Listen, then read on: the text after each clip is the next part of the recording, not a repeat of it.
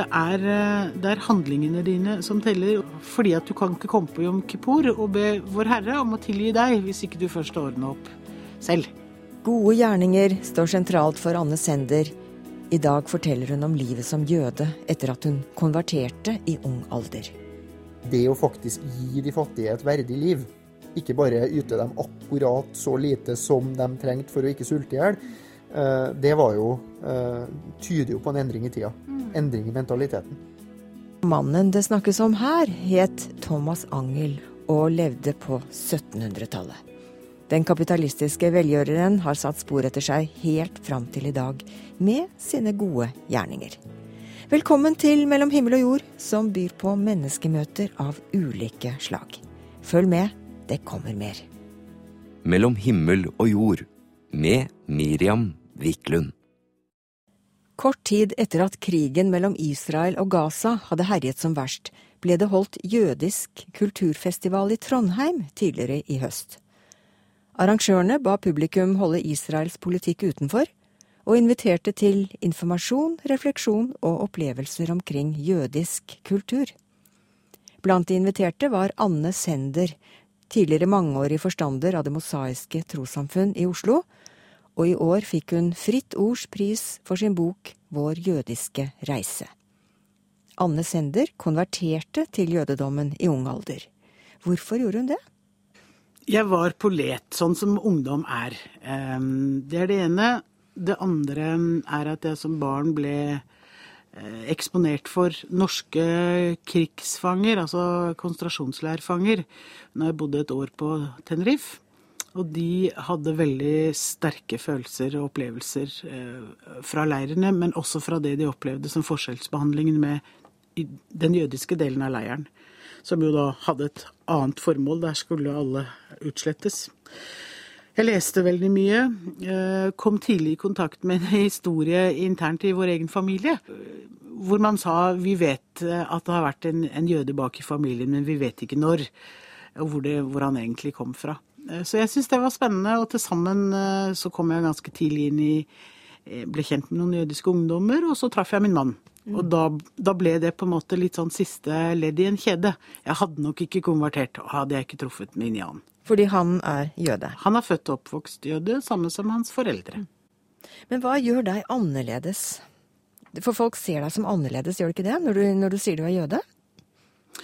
Jo da, det er jo mange forestillinger om hva jøder er.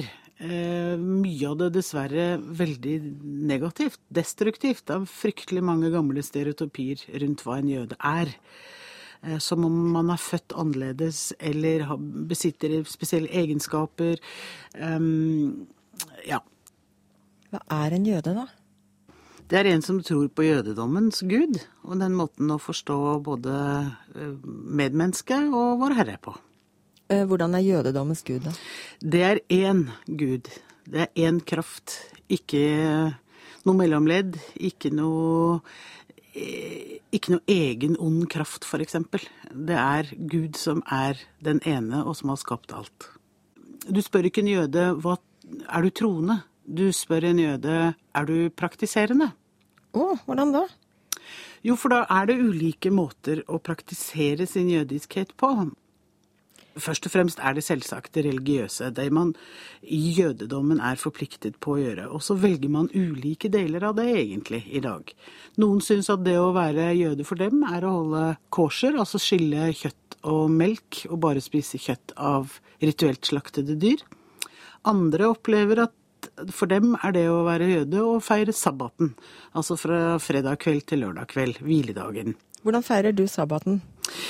Det er nok det som har vært det viktigste i, i, vårt familieliv. Det har vært å feire sabbaten og markere den med å tenne lys, eh, lage spesiell mat, ha familien samlet rundt oss, gå i synagogen, være sammen med fellesskapet. Tenkningen er jo at du skal hvile, du skal ikke arbeide på hviledagen. Og du skal ikke skape noe som ikke er der fra før. Og det betyr at ikke du skal slå på en strømbryter, f.eks. Skru på ovnen, skru på lyset, skru på TV-en. Og hvis du har glemt å skru på lyset på fredag kvelden, så skal du leve i mørket resten av helgen, eller sånn? Ja, og derfor så gjør man jo mange praktiske ting i forhold til det, da. Ved å la lyset stå på hele døgnet. Gjør du det? Eller ha Nei, ikke 100 Eller ha alltid stearinlys stående. Um, som du kan bruke hvis det skulle være sånn. Men hva er det som ligger bak det der, da? Hvorfor i all verden er det syndig å, å, å tenne et lys? Det er det jeg prøvde å si. Det er at du ikke skal skape noe som ikke var der fra før. Det skal hvile. Du skal ikke gjøre det du til vanlig gjør. Du skal bruke hodet, du skal gjøre intellektuelle ting. Lese, spille, være sammen med barna. Være sammen i det store fellesskapet ved å gå i synagogen. Og det er faktisk fantastisk eh, fin eh, følelse. Eh, det har faktisk fått en renessanse i, disse dager. Det er mange som som ellers ikke definerer seg som religiøse, men som nå begynner å markere sabbaten fordi påtrykket med PC og mobiler og ditten og datten har blitt så stort at plutselig ble det eh, liksom et behov for å skjerme en dag som var helt fri for alt. Så betyr det at jøder i dag eh, ikke slår på mobilen eller bruker PC-en i løpet av helgen? Nei, de som holder sabbaten 100% de gjør ikke det. Nei. Og de kjører ikke bil, eller tar trikken, eller eh, står over grytene på kjøkkenet, eller oppvaskmaskinen. Men er rolig og er sammen. Tar ikke du heller eh, mobilen fram? Eh, ikke så veldig gjerne, nei. nei. Jeg prøver, å, jeg prøver å skape det rommet. Du slår av, du slår av PC og mobil og Ja, prøver. Ja. Mm. Mm. I, I Det gamle testamentet så er det noe som heter øye for øye, tann for tann. Og det, er det noe fortsatt, som fortsatt gjelder? Det er en av de uttrykkene som har vært et stor eh, nød for oss gjennom eh, historien. Det er en påstand om at jødene eh, tolket dette, at hvis du ødela et øye, så skulle du hevne deg. Som en sånn hevnsetning. Mens det i realiteten er stikk motsatt. Det, det, betyr at du skal gi tilbake. Du skal erstatte. Det, har, du, har, du, ødelagt et, en manns øye, så skal du gi en, en erstatning som kan uh, hjelpe han til uh, å komme videre, selv om han har et uh, øye mindre. Så det er rett og slett erstatningslov som står veldig nøye beskrevet i Torah. At du skal altså gjøre opp for deg uansett. Det er ikke hevn. Ikke hevn, nei. Overhodet ikke hevn. Det er å gjøre opp for seg. Det er forsikring. Det er å prøve å bøte på den skaden du kan ha gjort. Det er, eh, det er handlingene dine som teller, og selv om du begynner en, serie med handlinger eh, uten spesielt gode intensjoner, så sier jødommen at bare det å gjøre dem vil gjøre noe med deg. Um, og, og du skal handle på ordentlig vis eh, hele veien, og du skal gjøre opp for deg, du skal be om unnskyldning, du skal, være, du skal være aktiv i dette livet. Det er her du skal leve livet ditt, og hva som skjer etterpå, det er det ingen som vet. Um, Rosh Hashanah, nytt, jødisk nyttår, det innleder en forsoningsoppgjørsperiode på ti dager, som eh, avsluttes med forsoningsdagen Jom Kippur, som er en fastedag. Og som nok er den, eh, eller det, det er, den mest um, høytidelige helligdagen i året. Og den opplever jeg at, at, folk bruker aktivt. I den perioden så skal du stoppe opp og tenke hva har jeg gjort det siste året for å bidra til at verden ser litt bedre ut? Har jeg brukt kreftene mine ordentlig? Har jeg gjort opp for meg? Har jeg gjort noen urett? Eh, hva er det jeg egentlig kan forbedre til neste år? Og så går man og så skriver man til brev til gamle tanter, ringer til den man burde ha snakket med, ber om unnskyldning for, for det man uh, har såret noen og, og, og, prøver å gjøre opp status. Eh, fordi at du kan ikke komme på Jom Kippur og be Vår Herre om å tilgi deg, hvis ikke du først ordner opp selv. Ok. Så det gjør du en gang i året? Ja, det gjør jeg. Jeg syns det, den, er en veldig flott uh, høytid, og jeg opplever at det er mange som aktivt bruker, bruker disse helligdagene til, til, å gå i seg selv og, og gjøre opp status. Men du, i dag Vi hører stadig om Israel og Gaza og konflikter der. Og sånn som det også fremstilles, så er det ofte jødene som blir eh, sett på som de store barbarene, som bomber eh, uskyldige mennesker. Hvordan harmonerer det med gode gjerninger? Det er en opplevelse av at alle jøder mener og tror akkurat det samme. At alle støtter akkurat det som skjer, og at man øh, ikke har selvstendig tenkning rundt ulike veier å gå. Um, samtidig er det også sånn at du vil ikke finne mange jøder som ikke støtter Israels rett til eksistens, og som ikke vil kjempe for når argumenter som demoniserer Israel, og som delegitimerer Israels rett til å eksistere, uh, som ikke vil uh, bekjempe det, og Israels rett til å forsvare seg det vil du få nokså enstemmig støtte på. Men så er det måten å forsøke å løse en politisk konflikt, og de veiene og de virkemidlene, og det at man har kommet til en situasjon hvor man ser at det er en militær løsning eh, som velges. Det er det svært mange eh, meninger om. Og det er også eh, stor uenighet om om hvor sterkt den veldig ultraortodokse eh, påvirkningen fra miljøer i Israel har hatt på den politiske dagsorden og måten å forstå og handle på. Tror du på en nærværende Gud? En som griper inn i livet ditt? Ja, jeg tror at det er en veldig universell eh, gud og krefter. Og ja, jeg tror at uh, til tider også Gud blander seg inn, uh, intervenerer både i den enkelte person og i historiens gang. Men hva og hvordan, det, det bruker jeg ikke mye tid på. Jeg tror. Du tror. Mm. Du tror på? Jeg tror på én Gud. At det er en uh, at vi har fått eh, et rammeverk i Toran.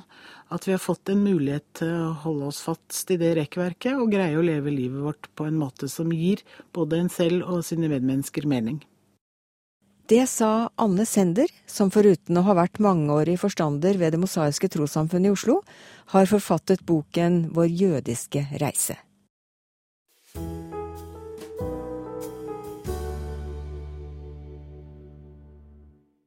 Jeg tror vi er litt på villspor. Det, te det, tekniske har overtatt uh, alt annet. Kan tenke, tenke på ungdommene som vokser opp i dag, og hvor de blir servert. Og skolene, til og med barnehagene, skal ha sånn nettbrett. Ja, det sier 86-årige Solveig Linjære, som foretrekker naturen. Vi skal bli med henne på fisketur om ikke så lenge, men nå kommer et lite eventyr. Det var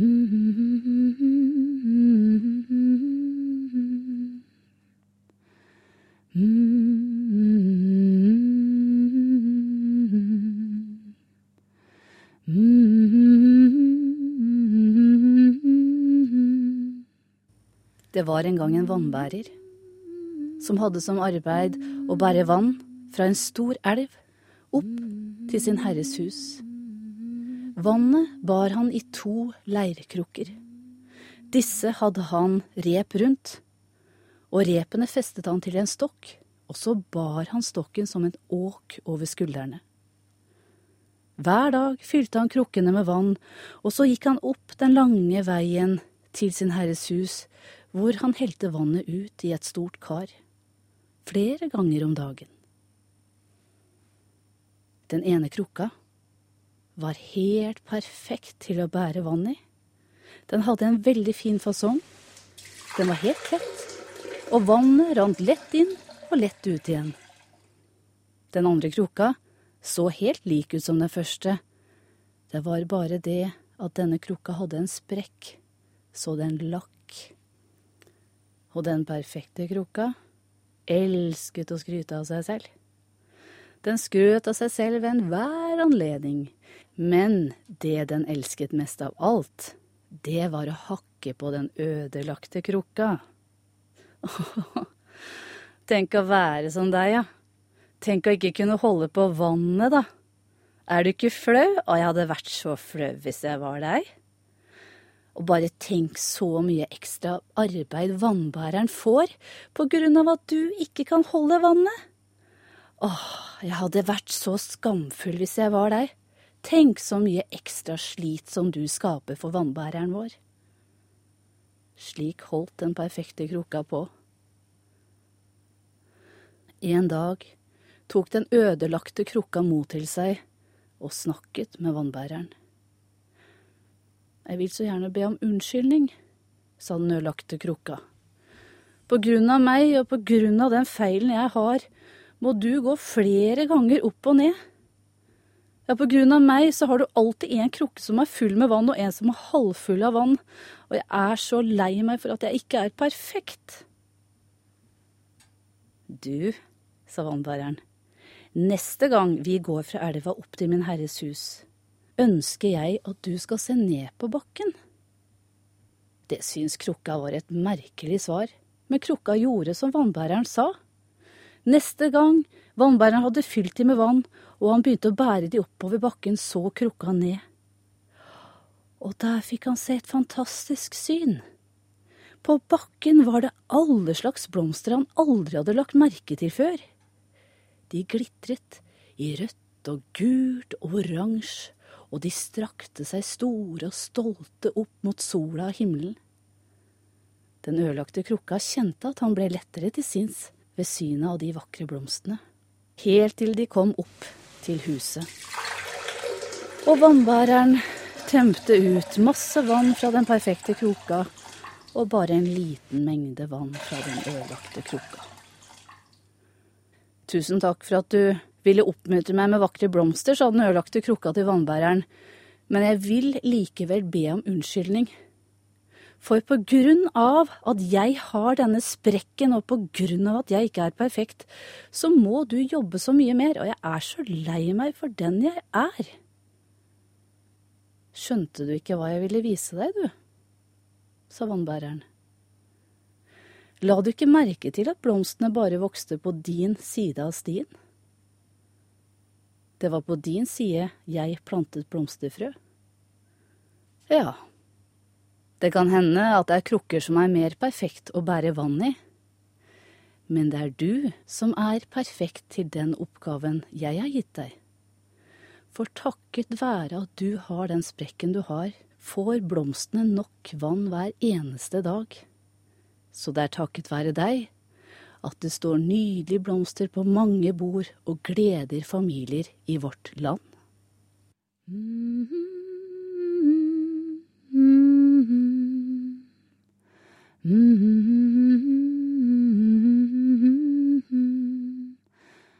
Det var psykolog og historieforteller Hilde Johanne Aafoss som fortalte om vannbæreren og krukka.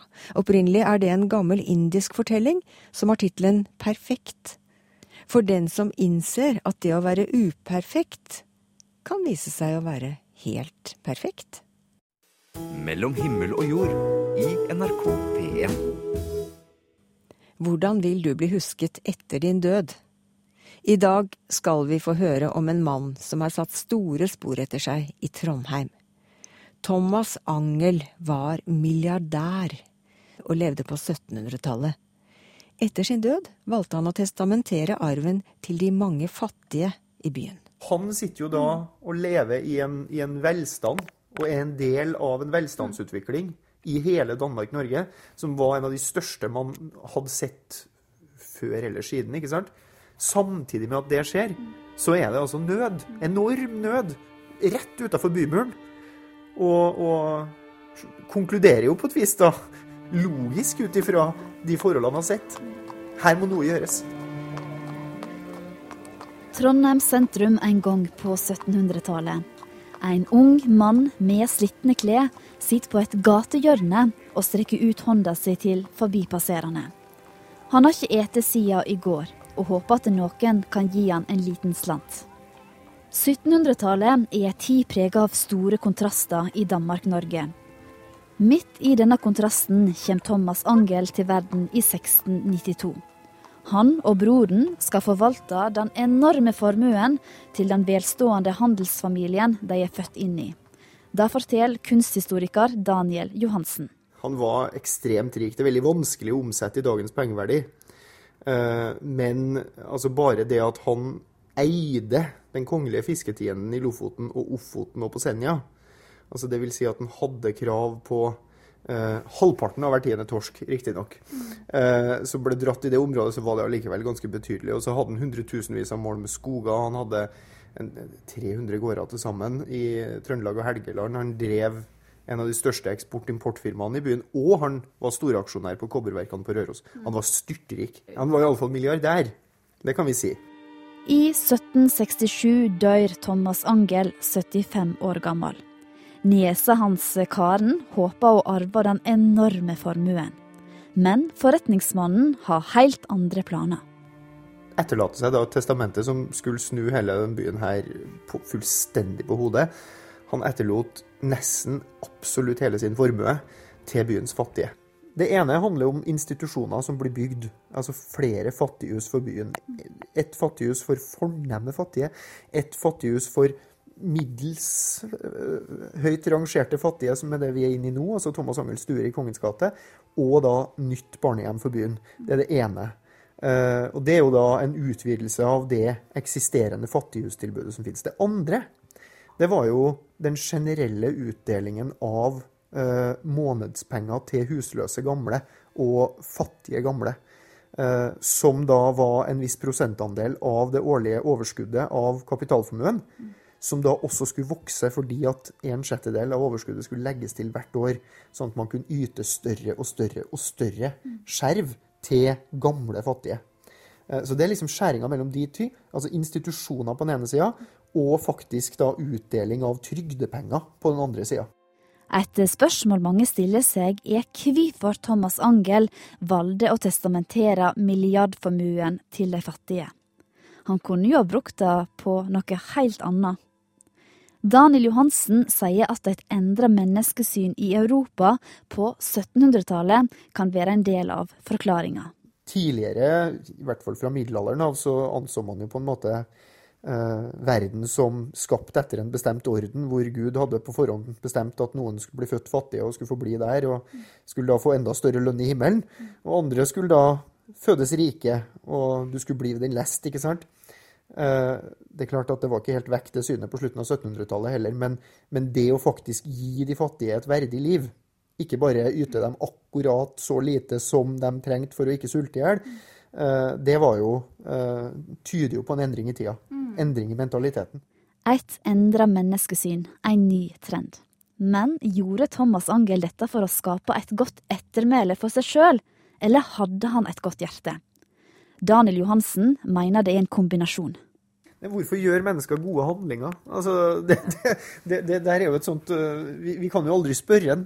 Eh, så det nærmeste jeg kan klare å, å forklare det, det handler jo om at man, man, øh, ønsker å på en måte lage seg et ettermæle som på den ene sida som, som et fromt og godt menneske, og på den andre sida faktisk gjøre en forskjell. Mm. Eh, altså at man at han ønska å, å, bedre de fattiges kår. Og, jeg mener, Det er jo et langsiktighetsperspektiv i testamentet hans som er helt ekstremt. altså Det at man skal bygge opp og bygge opp og bygge opp denne formuen større og større og større og større for å kunne yte mer og mer. Det sier nok at han var en godt menneske. Det tror jeg ikke det er noe tvil om. Uh, og at han var et produkt av sin tid. Altså, han, han, han var Uh, en av de modige, en av de mange modige rike som, uh, som bestemte seg for å gå ut av livet med, ved å sette spor etter seg i, i, annet enn bare å bygge store hus og etterlate seg en stor samling vakre kjoler og bærestoler og uh, morsomme fortellinger om fester. Hva tror du Thomas Anger fikk igjen sjøl for å gi vekk så masse penger som han gjorde? Det virker som han hadde stor glede av det, nettopp pga. at han uh, brukte såpass mye tid på testamentet. Han begynte jo med det en del år før han døde, og jobba jo da med det over flere år og la til endringer, la til utvidelser. Uh, jo, jo, eldre han ble, jo nærmere han uh, kom døden, jo mer fokus la han i testamentet sitt nettopp på uh, Weissenhuset, altså Huset for foreldreløse barn, og mulighetene deres for å få seg en utdannelse. Så de fikk enormt mye når liksom da siste punktum var satt i testamentet. Det må jo ha hjulpet når han skulle si lå på det siste og skulle forlate denne verden. Altså det at han faktisk hadde etterlatt seg noe godt som mange ville glede seg over. Og det hadde han jo helt rett i. Ja. Men lever på en måte ånden til Thomas Angell videre her i Trondheim, eller er han borte nå? Den byen her eh, har jo vært helt annerledes hvis det ikke har vært for han. For det første, altså I dag så alle de sosiale institusjonene han bygd, de spiller jo ikke en så avgjørende rolle lenger som de en gang gjorde. Eh, Angelpengene ble jo delt ut siste gang på 1950-tallet. Men eh, for alle de generasjonene som har levd før, eh, før velferdsstaten, så var jo hans gave en forutsetning for det å ha en kvalitet på livet. altså For forferdelig mange trondheimere. I tillegg til at han har etterlatt, altså at gaven hans etterlot seg eh, den katedralskolen som, altså hovedbygninga på katedralskolen som vi har i dag. Eh, det at byen fikk frisk vannforsyning, som en av de første i Danmark-Norge på, på 1780-tallet. ikke sant? det at vi faktisk hadde et skoletilbud i den byen her gjennom hele 1800-tallet som var langt bedre enn det som andre byer hadde, og ikke minst at vi faktisk fikk muligheten til å bygge opp en av de beste tekniske høyskoleutdanningene her i, i Trondheim. Noe som utvilsomt var en av årsakene til at vi fikk den nasjonale tekniske høyskolen i 19, altså da vedtaket ble fatta i 1901, og den åpner da i 1910. Det er begynnelsen på NTNU, det her. Den pengekista er den største og mest gullkanta gave som byen noen gang har fått. Det er det ingen tvil om. Det sa kunsthistoriker Daniel Johansen. Thomas Angel døde for nærmere 250 år siden, men viljen hans lever videre gjennom Thomas Angels stiftelse. Forretningsmannen er stedt til hvile med hele sin familie under gulvet i Nidarosdomen. Reporter i dette innslaget var Camilla Kjønn Tingvoll.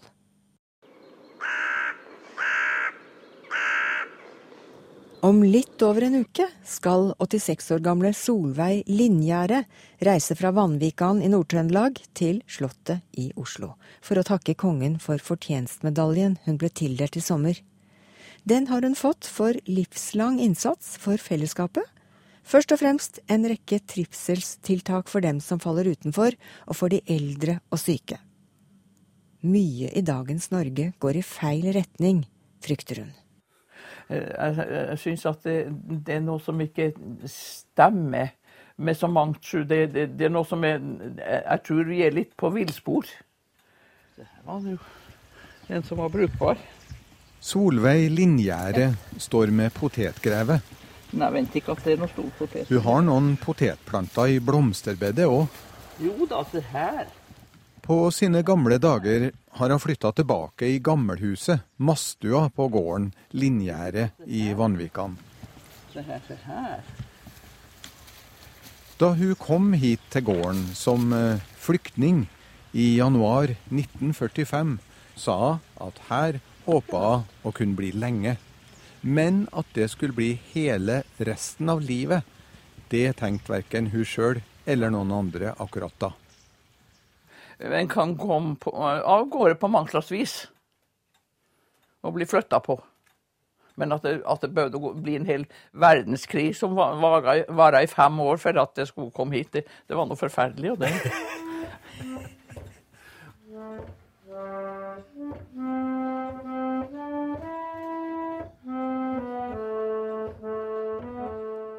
I den lille stua står trøorgelet. Det er fortsatt lyd i den største bryllupsgaven hun fikk i 1945.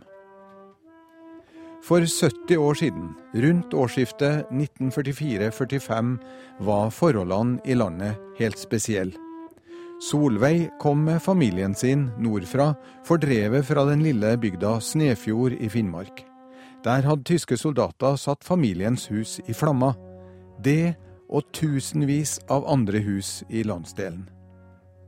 Det var dramatiske uker og måneder. Minst 15 000 av dem som ble tvunget til å flytte fra Finnmark og Nord-Troms, kom til Trondheim. Og så tok vi Frossabåten over fjorden, da.